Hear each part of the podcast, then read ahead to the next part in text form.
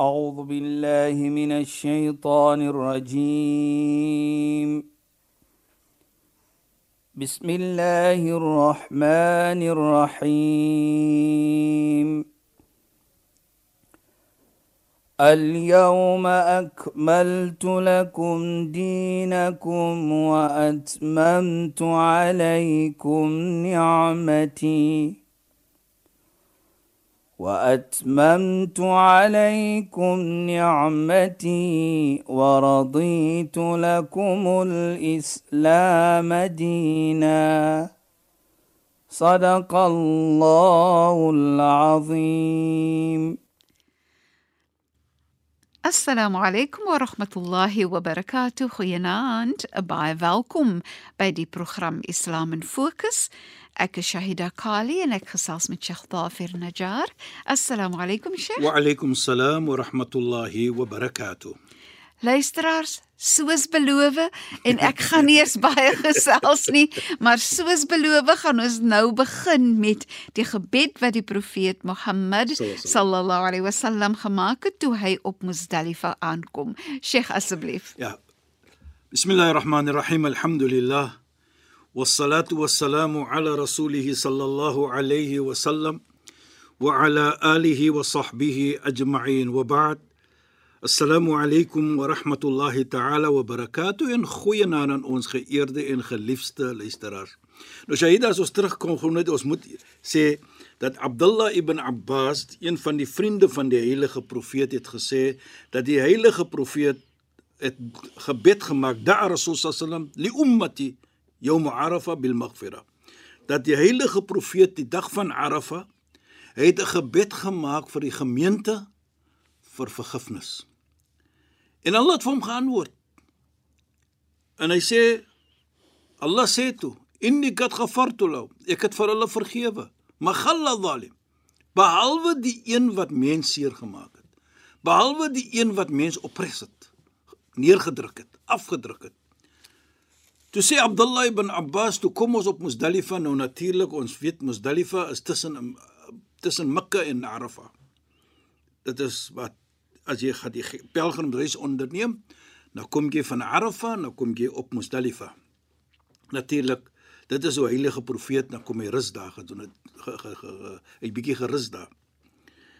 Toe sê Abdullah ibn Abbas radiyallahu an, "Falamma asbaha bil Muzdalifa, aada du'a."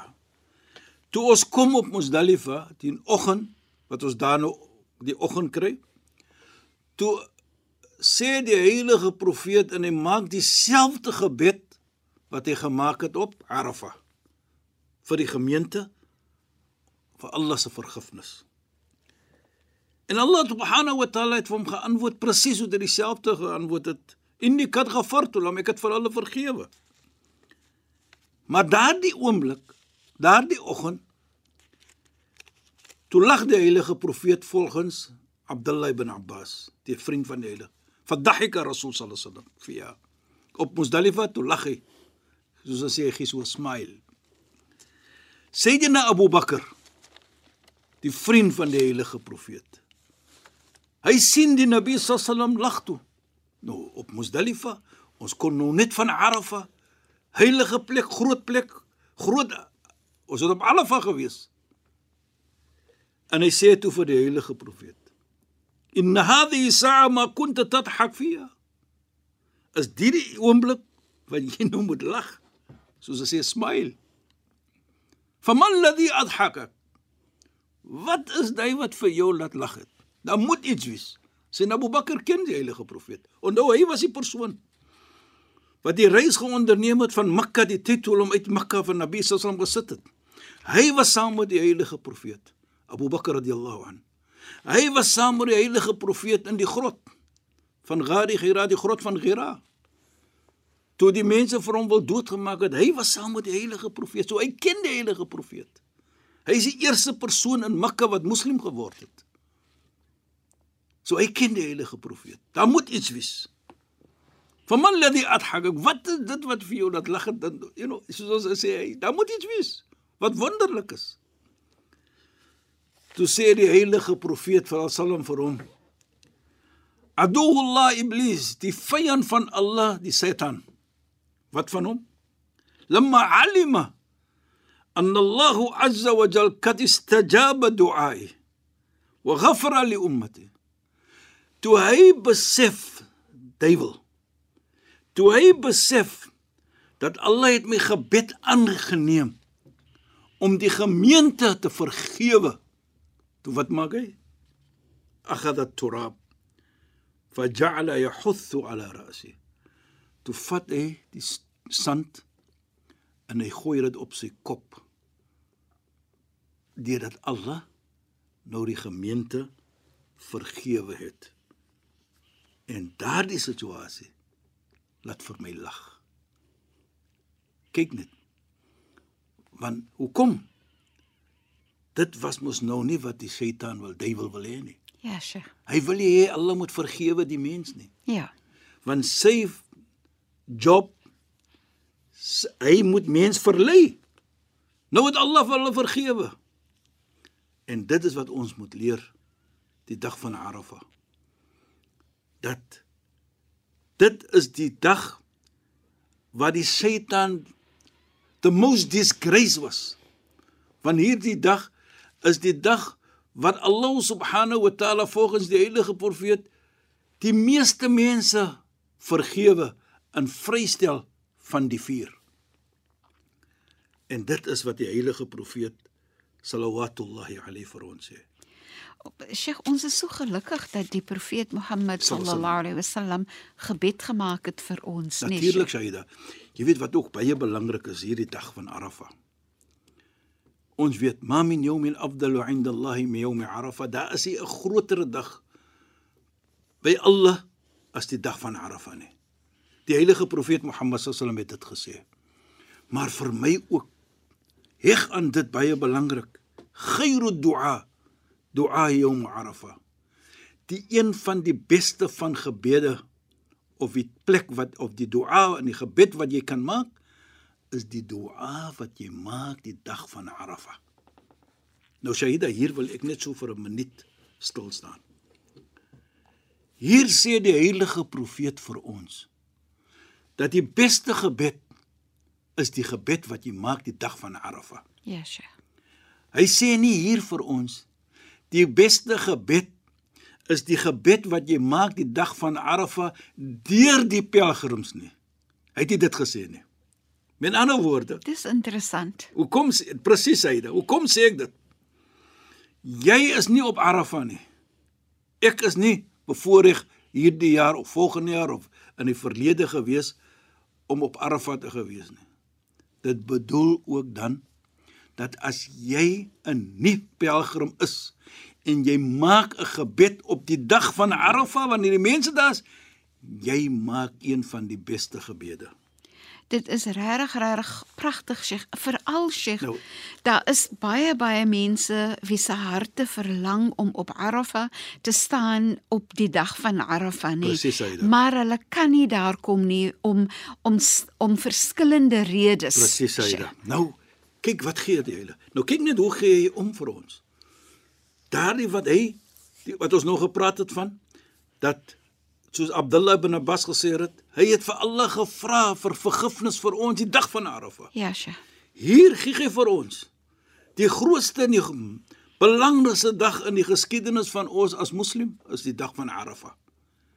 En die beste van gebed dit maak nie saak of jy 'n haji is, 'n pelgrim is nie of 'n nie pelgrim is nie, maar as jy 'n gebed maak, maak jy die beste vorm van duas. En dan Sheikh gekoppel daaraan ook is die die dit wat die profeet ook Sal- gesê het dat die beste van gebed is wanneer jy om vergifnis vra. Presies, Aida. Nou wat doen jy natuurlik die dag van Arafah? Baie kere vra ons ons smeek vir Allah vir vergifnis. Ja, Sheikh. Maar moet ook nie vergeet nie dat wat ons gesê het, die gebed wat die heilige profeet gemaak het. Allahumma ighfir lil hujjaj. O Allah, vergewe die pelgrims. En vergewe die mense wat die pelgrims ook vra vir vergifnis. Ja, Sheikh. Subhanaka ya Rabb. Kyk net hoe mooi. So daardie dag dan daardie koppeling wat die heilige profeet gemaak het vir ons as nie pelgrims Ja, sure. en wie saam met die mense wat pelgrims is. En hierdie dag van Arafah dan moet ons respek toon vir die jy weet soos ek sê altyd sê gee die dag van Arafah sy hak sy reg. En dit is om daardie respek te toon die heilige dag.